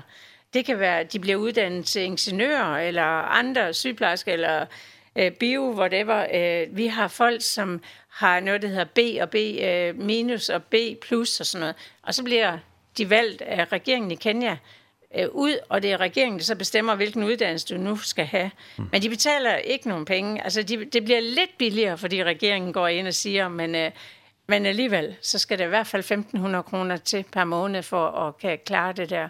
Og børnene kan ikke betale, forældrene kan ikke betale, eller bedstemor. Så det er kun, hvis vi igen går ind og hjælper dem. Så måske du sidder derude og tænker, jeg kan godt hjælpe en par stykker eller fem, og det var måske mange, der kunne gøre det. Det vil være en kæmpe løft for New Life Africa International, at vi ikke skal tænke på, at vi skal sige nej til at hjælpe dem med højere uddannelse, når de har evnerne og kvaliteten til, at kan komme videre. Og de penge, de kommer til at tjene, de vil igen blive hjulpet til at hjælpe mange andre børn i skole. For i Kenya så, dine penge, det er ikke dine penge, men det er noget, man hjælper videre, og man skal dele og hjælpe hinanden. Ved siden af alle de her børn, så har vi også den mest fantastiske syskole, hvor unge piger og unge mænd, de kan komme ind og få en fireårig uddannelse. Og det igen, de har ikke en krone, men fordi at der er mennesker, der vil gå ind og hjælpe. Nu har vi den færøske regering, som er gået ind og give penge til det nu her i to år. Og vi beder bare om, at det her det må fortsætte på en eller anden måde, at vi kan hjælpe de her elever til at få en god uddannelse, både i gudsord, i syning, designing og entreprenøruddannelse, så de kan blive selvstændige. Og noget, som er fantastisk, når vi kørte det her projekt, før der havde vi nogen i Norge, som gik ind og støttede et kavle, I, i, fire, år, i, fire år. Ja, i fire år. Men Du skal prøve at se de her unge, hvordan de får arbejde lige med sammen. Det er helt utroligt. De, deres personlighed bliver ændret fra at være en, der ikke tror, man kan noget, til at finde ud af, jeg kan godt finde ud af det her, og jeg vil gerne. Og de, så er de Jesus med sig. Det er jo fantastisk. Mm -hmm. Og de er mennesker, unge mennesker, som er kastet væk, som ikke nogen troede på. Men jeg kan sige dig, de er nogle fantastiske unge mennesker, og vil også bare sige tusind tak til, til den færøske regering, fordi at de har fået et hjerte for dem, og de øh, føler, at de kunne gå ind og hjælpe. Øhm, den færøske regering også gå ind og hjulpet os med mad. Det er gode ved den her designer- og sygeuddannelse, det er, at 90 procent de får arbejde, så snart ja, de er færdige. det er helt vildt. Det er en rigtig god øh, hjælp til de her unge piger. Ja, vi må sige her, under coronaen, der måtte skolerne også lukke i Kenya, ligesom de har gjort her i Europa i nogle måneder. Og de her, alle de her børn, de var vant til at få mad på skolen. Så lige pludselig så var det en endnu større byrde for de familier, de kom fra, at de nu skulle forsørge dem også. Så vi synes, vi blev nødt til at gå ind og støtte de her familier med noget meler til mad, eller med mad, som vi købte, vi kunne dele ud. Så i starten, så, så blev det cirka 50.000 kroner, vi skulle bruge om måneden til at give mad til 724 familier, som kom en gang om måneden og fik øh, råvarer, altså mel og ris og bønner. bønner og så videre, som de kunne bruge, og det kunne måske forsørge dem i 14 dage. Og så måtte de så klare sig morgenen ud, til de fik en portion igen. Og der, er der, der har den færøske regering gået ind og hjulpet. Og vi, først fik vi 100.000 til hjælp. Det kunne vi så klare to måneders forbrug. Men øh, så var der en, der søgte igen, den færøske regering. Og vi blev fuldstændig chokeret eller overrumplet og overrasket, da vi fik at vide, at der skulle være et beløb på 612.000. Og det var mest en fejl, tænkte vi. Men uh, da de først kom ind på kontoen, så var vi jo 100% sikre. Mm. Så, så der kunne vi give de her familier med i et helt år. Mm. Og det år er ikke gået endnu. Så vi har penge frem til august i år, hvor vi stadigvæk kan hjælpe dem. For det er sådan, selvom corona er ved at være aftagende, så Ja, det kan ens betyde med, at de alle sammen har fået arbejde igen. Alle dem, som mistede deres arbejde i den forbindelse. Mm. Og så er det også sket det nu, at uh, ligesom jeg mærker i Danmark og Færøerne, priserne stiger på grund af krigen i Ukraine.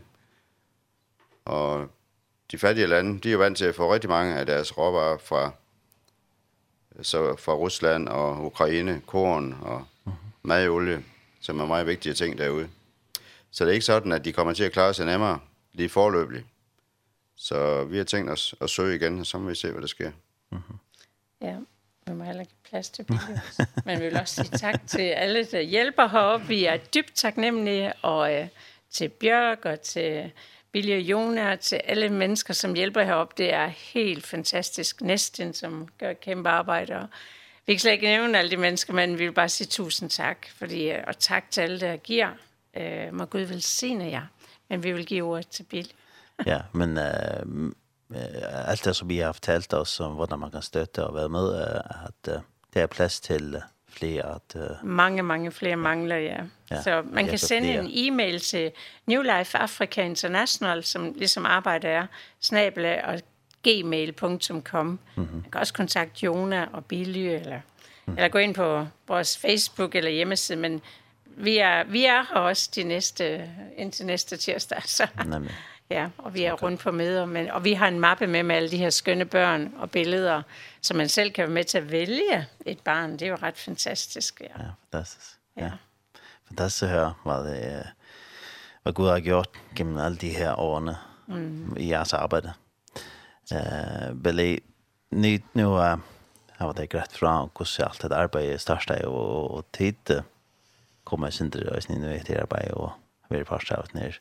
Ja. Och ösnen finns ju hjärsta. Finns nere på den. Kan man säga. Nämligen, ja. Ehm ja ja, jag vill säga det att att att ofta tar jag är färdig så när jag stod ju här så så följer det att det borde vara konan Jamar som satt här till hon hon är han som ger ger neck Moira i samband med det en är gärre. Men hon tog stod den. Ja, ja ja, jag just och och hon säger alltid färdig då att det är är inte akkurat han som ska som tas när gratis sådana så så det blir alltid är men uh, jag, jag presenterar Hanna och hon är hon gör ett fantastiskt arbete som Ösen Susanne nämnde här. Ehm um, det har stått där vi vi um, ULF Africa International för åkare vi kommande er till att uh, att i halt life så sanne var har har varit i förrjon och jag i 11 år eh och vi visste släck om det. Så flyttade vi till Danmark Randers och blev parset när samkom här nere.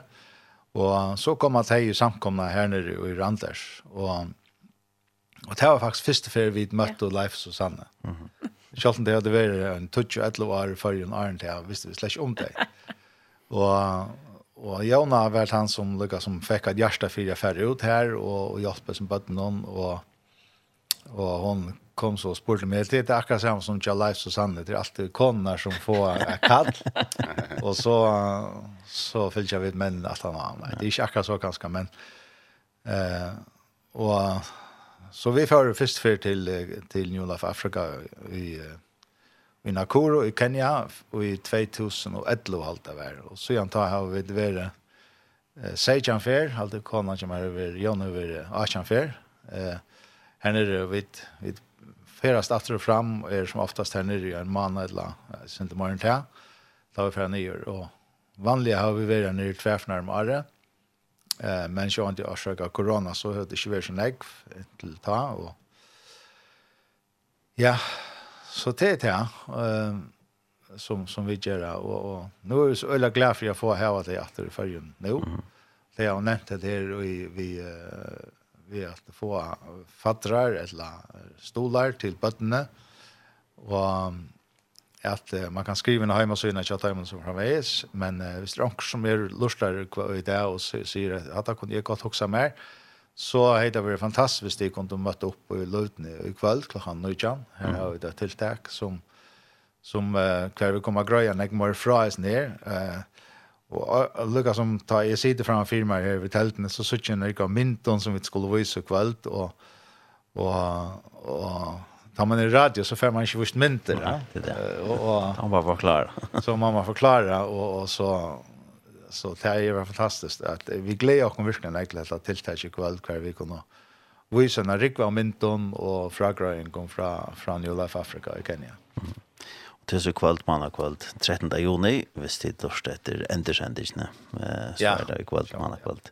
klan utkjønn og i løvdene, at det blir, og alle er velkommen, her er plass for den kvöld. Ja, plass for den, ja. Men uh, ta i tid så har vi her flere for den her, ta må ha til at det er ordet, fänga hjärtat att det kan då söka törven här är stora törver att det hjälper på helt bra. Ja ja, jag just och och vi det var, vi det var, akkurat hjärsta er, og jeg i Kenya, og middelen bøttene her. Um, nu nevnte hon, nu spurte to uh, deg om et her, om, om, man kan ikke hjelpe ødlåna, og vi, uh, Jona og jeg har lykkes som haft dette slåkan da vi er her nere, at uh, du kan ikke brøyde atlan heimen, men uh, du kan brøyde atlan heimen for økt menneske. Mm Amen. Og, og ta i det gjerst her, så oppfyller du det som god til å kalle det til, nemlig at, at lette egen opp og suttje tørven og gjøre det som du kanst. Og det at vi har vært her nere, er størst privilegium øysen til. Vi har sjående øysen haft eh, noen bøtt som vi har vært stål til. Og jeg komme ned her og at fylle vidt dem og, og være en pastor av dem og øysen og møte dem, og det er helt fantastisk. Og, mm -hmm Og jeg har, vi har øyne haft ofte flere for når vi det ferdig nye, så har vi haft uh, føringer vi som kommer, og det höra vi ferdig sted, og så er det, kan vi ikke komme vi en tur? Og, og vi han vi til at uh, ferdig vi er som sin stol og noen ut til de bøttene som de har stola ganske flere år.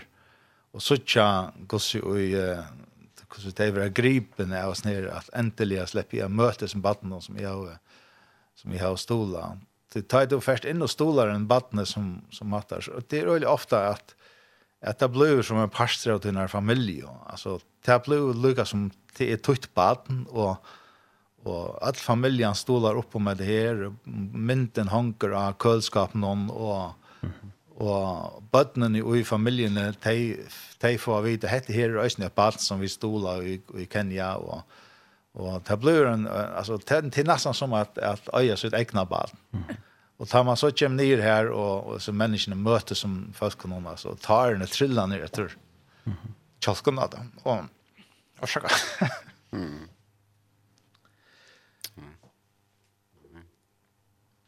Og mest til at disse foreldrene, eller disse folkene, her var så hjärsta for som bøtten, og som det var var storløs når jeg var, at det er fantastisk så tja, og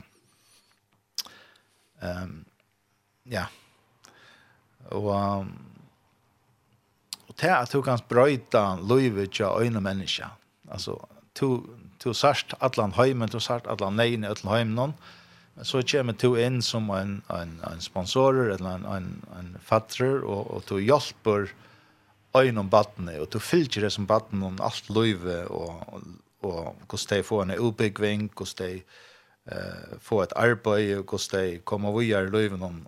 Det er helt fantastiske eh, alltså vad ska man säga det är helt fantastiska gevande för för för jag Mm -hmm. Ja. Mm.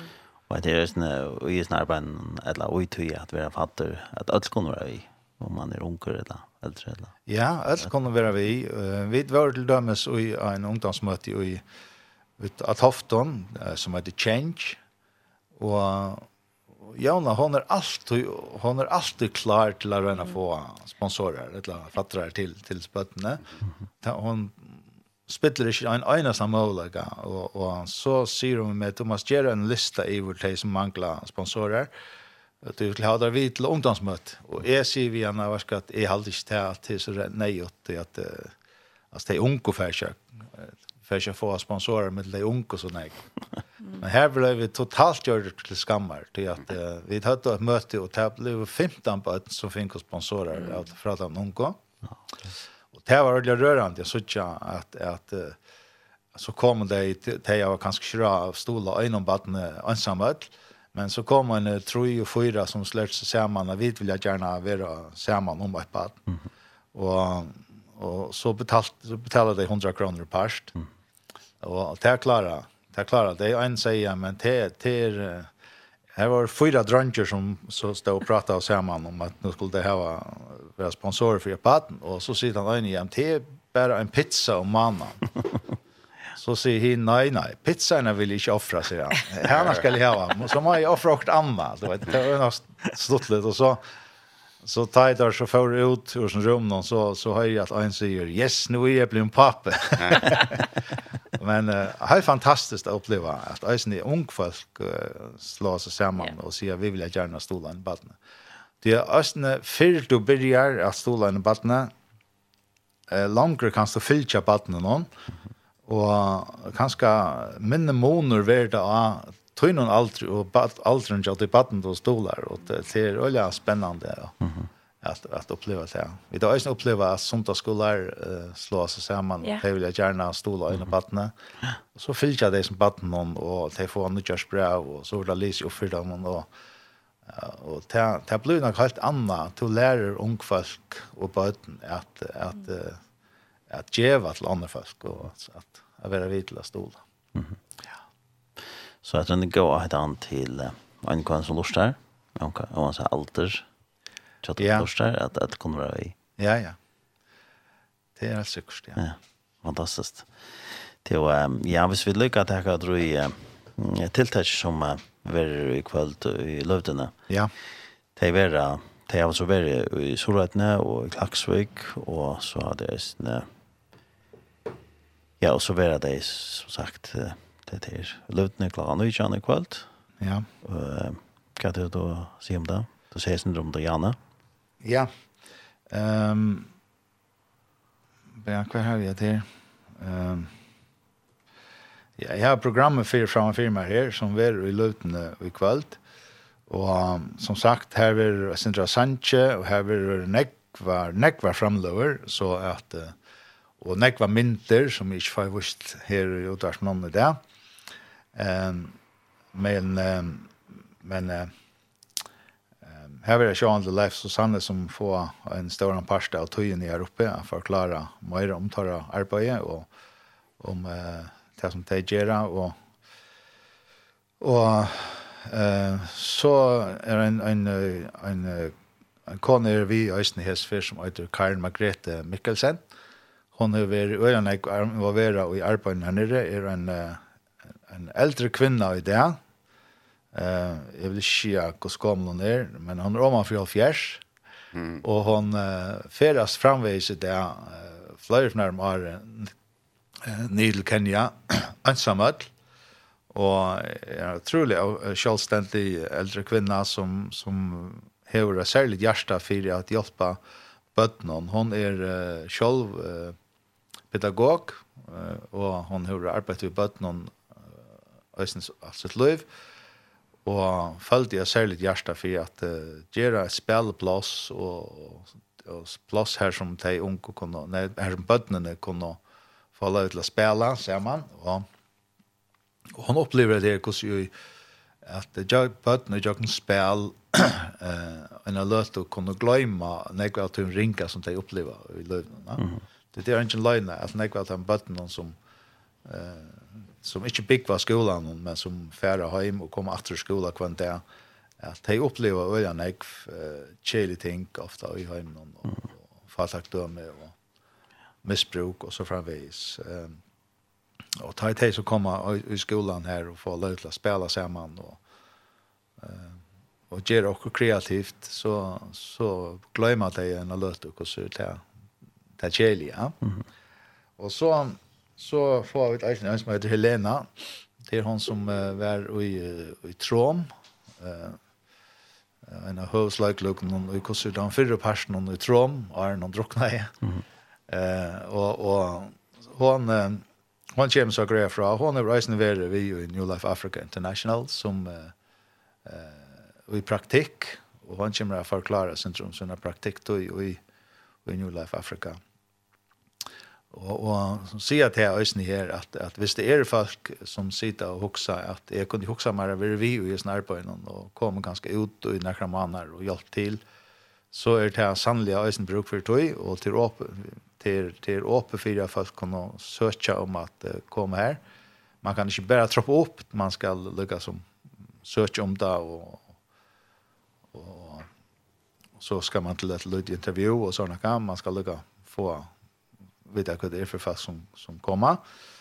Og, eh, och ofta tar jag nu är ferdig ner här så har hun fått kopar att komma in till vi kanske och och bara över vi en första dag eller eller vad det är hod til. Det är ösnen väl, det är ösnen välkommen till det.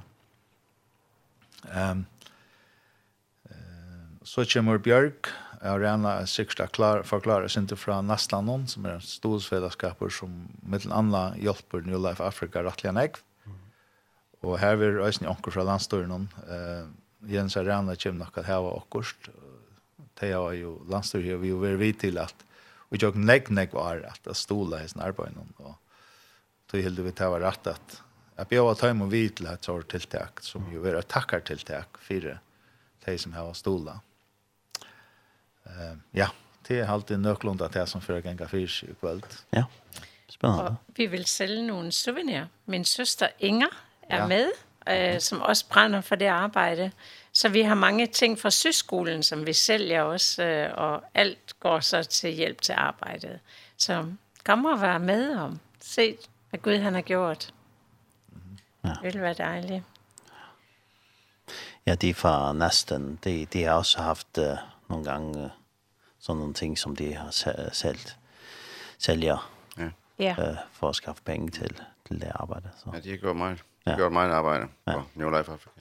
Øhm, jeg tænker også lige på, vi, da, da vi startede en kontohop i, på færøerne, New Life Africa International, her på en færøske bank, der, der var Frank Jacobsen, ikke? Ja. ja som ligesom øh, har taget hånd om det, og hjælper os med de ting også, så vi vil også sige tusind tak til ham. Øh, I det hele taget alle mennesker, som hjælper på den ene eller den anden måde. Ja. Øh, men det er stort at have sådan et netværk heroppe os danskere, som ja. vi er ikke færinger, men øh, vi oplever også hjemme her, føler vi en stor familie. Ja, ja, ja. Fantastisk. Øh, og uh, vi kommer til, att til at uh, være andre steder også øh, i denne her uge, og ja. jeg kan lige sige, hvor det skal være. Eh, det kommer å være mikkvalde 15. juni, klockan 20, i Emanuel i Høyvøk. Og så får jeg det til Sandøytna og i Skåpon, er ved det høstkvalde 16. juni kl. 19 i Betanieskåpen. Og så er det i Estradne i Kjelten i Skala 4, sunnet 19. juni klokka 11. Og så er det uh, sunnet kvalde 19. juni klokka 18 i Misjøshusen av Glivsson. Her er sånn det snitt velkommen at uh, møte opp og høres en drømme. Her er bare vi sitter i kjemme og det kan komme til et her som er beløvdende i kvalitet. Og annars kan man også sette sammen ved det hvis man har spørninger. Billy og Jona tid er røsten klar til at svære spørninger var styrer Ja, just, ja. Vi ser først samme og arbeid. Ja. Jona, hun er mer aktiv av Facebook enn er det, så det er sikkert best å kontakte henne. Ja. Men eh, sjående, hvis de kontakter meg, så, så er det også nye lær. Ja. ja. Fantastisk. Ja, men... Eh, tiden der går så hurtigt. Yeah. og uh, jeg har fortalt mange ting, og jeg kunne, kunne også have fortalt mere. Uh, men uh, hvis man vil uh, vide mere om det arbejde, så har I en Facebook-side og yeah. hjemmeside også, yeah. hvor man kan uh, Og de er altid velkommen til at kontakte os. Ja. ja. Mm. Og hvad, man kan også få tilsendt nyhedsbrev på mail eller med mm -hmm. post, så, ja. hvor det kommer nyheder to gange om året også, og så er det bare lige at sende en e-mail til New Life Africa International, snabla.gmail.com og vores hjemmeside er www.newlife-afrika.org. Så der er også muligheder. Eller kom ud og se det. Velkommen ja. i Kenya. Ja. Det kan komme Billy og Jona, når de... Ja, de kan tage nogen under armen. ja, ja nemlig. Lige at besøge. Ja. ja, faktisk er det også nogle fælles rejser, Øh, næste år øh, det bliver det også en stor rejse, men øh, fra Danmark så er det ofte når vi rejser ud, øh, så har vi nogen med ud, der kommer ud og ser det i 14 dage. Og det tænker jeg også, at I vil godt have nogen med ud sådan en gang imellem at se nogen.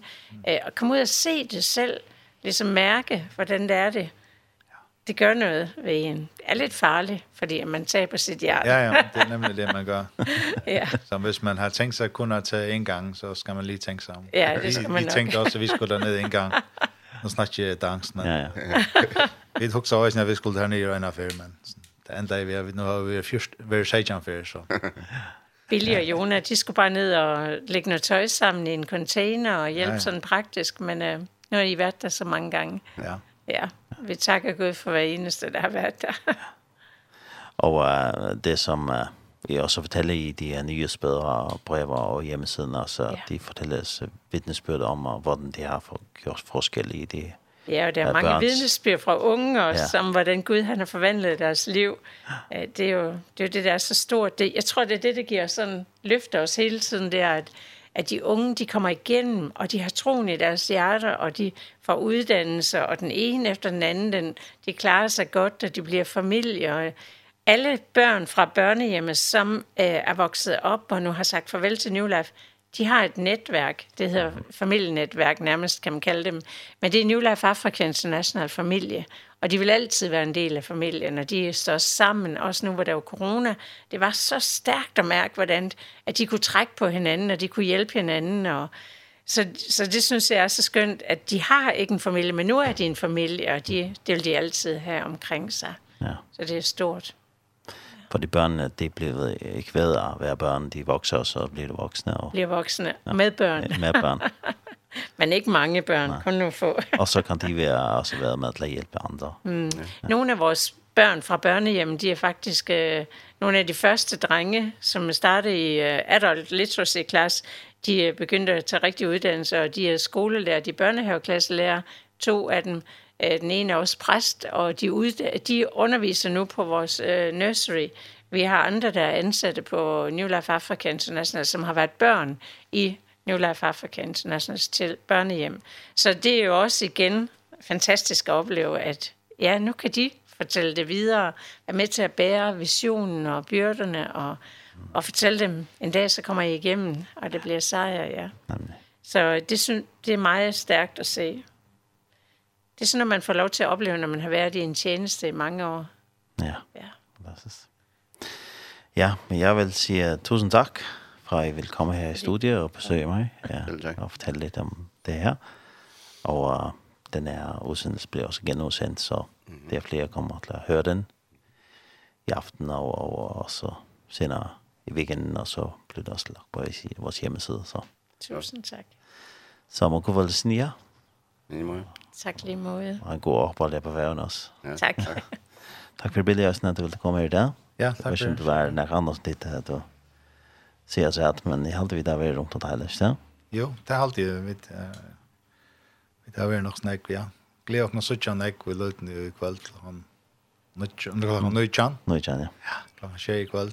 Eh Det var fantastiskt att finns ju. Ja, vi vill gärna förklara för såna här folk som möjligt om det är så. Eh och jag vet att det är något som som har som själv är som är sponsorer förenkar och och vi vill gärna vara vid till att, att tacka dem och ja. ge dem något kockvalt.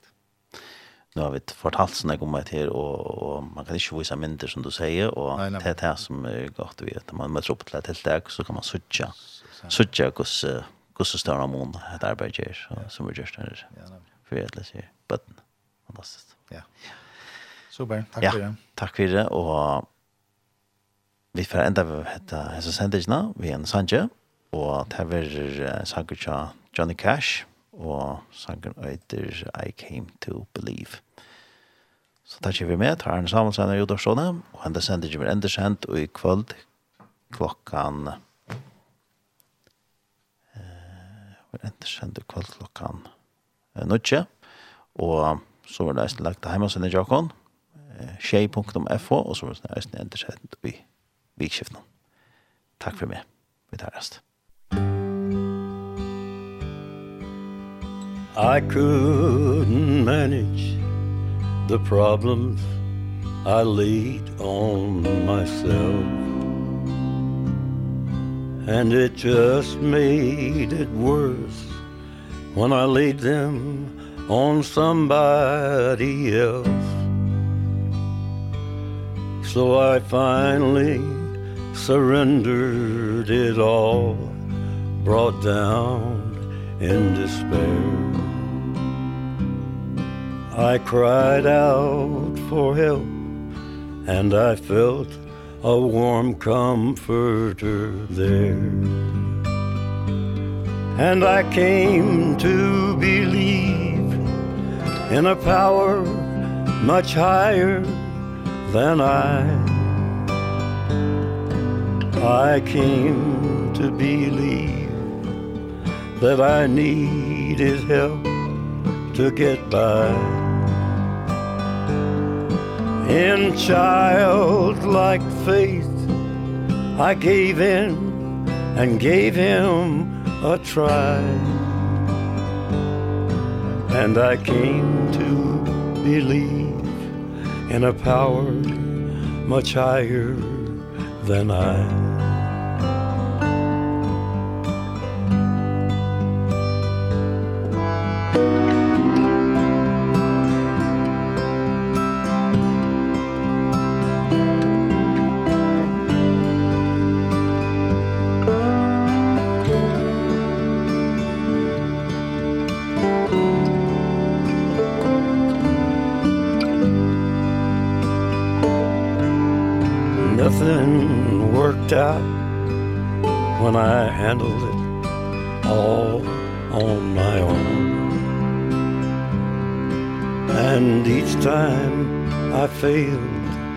It made me feel twice as alone.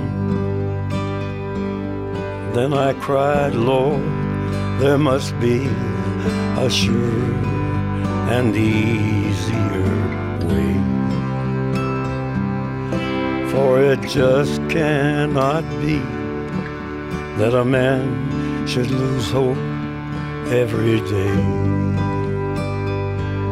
And I came to believe in a power much higher than I. I came to believe that I needed help to get by.